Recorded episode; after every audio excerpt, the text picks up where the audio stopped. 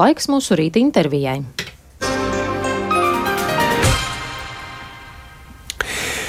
Līdz ar eh, lēmumu pārtraukt mācības skolās Krievu valodā aktuāli radušies vairāk jautājumu. Nu, piemēram, vai skolotāji, kur līdz šim mācījuši priekšmetus Krievu valodā, to varēs darīt arī latviešu? Nu, tad līdz ar to arī jautājums, vai mums ir ar ko šos skolotājus aizvietot.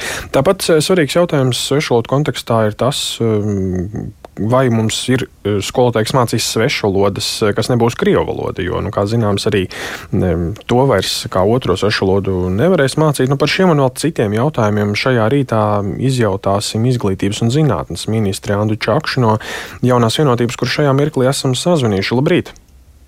Labrīt! Jā, bet sākšu ar pavisam citu tematu nekā ar to, ko pieteicu. Nu, proti, šodien Latvijas izglītības un zinātnes darbinieku arotbiedrība ar jums tiksies. Tā viņi paziņojuši, nu, lai runātu par streika prasību izpildi. Un viņi paziņojumā arī pauž bāžas, ka šī būs viena pirmā tikšanās ar jums, lai gan citēju līdz 1. februārim, kad normatīvo aktu sakārtošanas procesam jābūt pabeigtam, atlikusi tikai nedēļa. Citāta beigas. Un tad gribu arī prasīt, nu, vai jums ir pārliecība, ka jūs paspēsiet sakārtot savas kaut kādas potenciālās nesaskaņas, vienoties, izrunāt jautājumus, lai, lai skolotāji atkal nedomātu par streiku? Nu, droši vien mazliet eh, ieskatām, par ko tad ir saruna. Un saruna, protams, ir par atalgojumu grafiku, jo, ja mēs runājam to galveno trauksmi no, no arotbiedrības puses, eh, tā ir absolūti saprotama. Eh, mēs šobrīd skatāmies uz skolotāju atalgojumu, tas ir nepietiekams. Un, uh, arī mans uzstādījums ir ļoti skaidrs, ka skolotāja atalgojumam ir jāaug. Jautājums ir, kāds ir tas solis un streika, streika mm, laikā un streika sarunu risināšanas laikā tik pieņemts lēmums, ka tā tad ir jātop atalgojuma pieauguma grafikam, pie kā mēs arī šobrīd strādājam un šodien runāsim par to, par arotbiedrību. Uh, Jautājums, vai mēs varēsim vienosies par to ātrumu, kādā uh, abas puses redz, kā tam vajadzētu notikt. Uh, un, nu, to man uzreiz grūti atbildēt. Ir skaidrs arī, ka uh, šī pirmais finansējums, kas jau šobrīd ir no janvāra, ir uh, nu, tāds ļoti būtisks. Un klāt tam ir jānāk arī tam, ko mēs saucam par skolu tīklu sakārtošanu.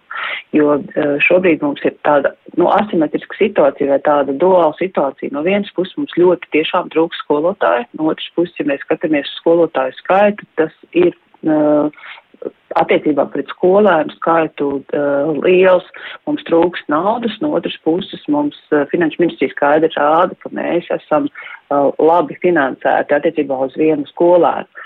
Un tā atšķirība finansējumā uz vienu skolēnu ir vairāk kā 6,5 reizes atsevišķos uh, reģionos, kas nozīmē, ka mums ļoti būtiski ir jāstrādā pie tādas efektīvas uh, cilvēku resursu izmantošanas. Un ar to es domāju, mm, ņemot vērā, ka tā, tā svarīgākā prioritāte ir kvalitatīva izglītība un labi apmaksāt skolotājs, jo bez tā mums šī kvalitīvā izglītība nav iespējama. Uh, tad skolotāja algas iet kopā ar uh, skolu tīklu sakārtošanu.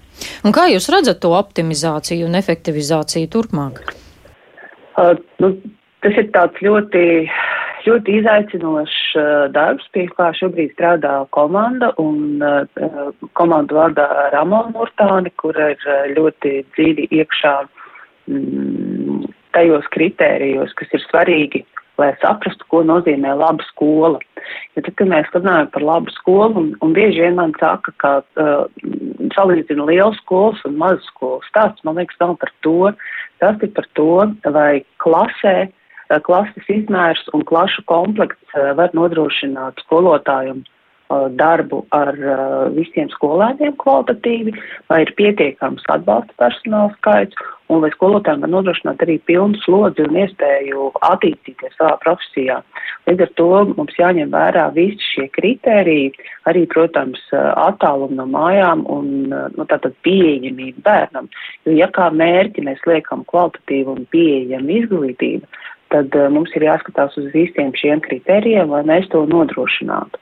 Protams, ka uh, sarežģīt, sarežģītā sadaļa ir tā, ka mm, mums ir nu, jāspēj vienoties ar pašvaldībām, jābūt tātad kopīgai izpratnē par to, ko nozīmē laba skola Un es teiktu, vēl uh, jāiet prom no tā mīta, ka vecāki nesaprot, ko nozīmē laba izglītība. Jo bieži vien varbūt ir vairāk tā sajūta, ka vecāki grib tikai tuvāk mājām, bet uh, šodien bez labas izglītības cilvēks nevar tālāk notru, nonākt darba tirgu, darba devēja šobrīd prasa kvalificētu darba spēku. Tā, tā ķēde sākas no paša sākuma.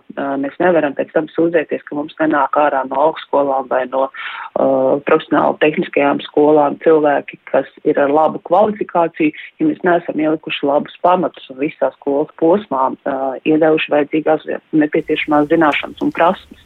Bet, ja atgriežamies pie jautājuma par pašiem pedagogiem un skolotājiem, viņu skaitu un pietiekamību, nu, šobrīd, kā jau arī sarunas sākumā minējām, ir vajadzīgi skolotāji, kas var mazākumtautību skolās mācīt latviski, un nu, būs vajadzīgi arī pedagogi otrai svešvalodai, kas nav krievu valoda. Kāds ir plāns, kā nodrošināt, lai pedagogu pietiek? Taisnība. Uh, skolotāju uh, skaits, kā es teicu, no vienas puses ir liels, no otras puses tas ir nepietiekams. Un es domāju, ka lielā mērā tas ir saistīts ar skolotāju prestižu un skolotāju izdegšanu šajā grūtajā posmā, kad ir bijusi skola 20, 30 ieviešanas posms ar nepietiekamu ministrijas atbalstu. Bet, ja mēs runājam par uh, to, kā nodrošināt viens pārēju pilnībā uz latviešu valodu, otrs, otrās Eiropas valodas, kā svešvalodas ieviešanu skolās, tad mums ir vairāki rīki, ar ko mēs domājam strādāt. Viens, protams, ir, ir ātrie risinājumi, jo, lai sagatavotu skolotāju, arī nepieciešams nu, vismaz uh, 3-4 gadi, lai arī mēs redzam, ka šobrīd liela daļa skolotāju mācību laikā strādā, principā no pirmā kursa, kas nebūtu pats optimālākais.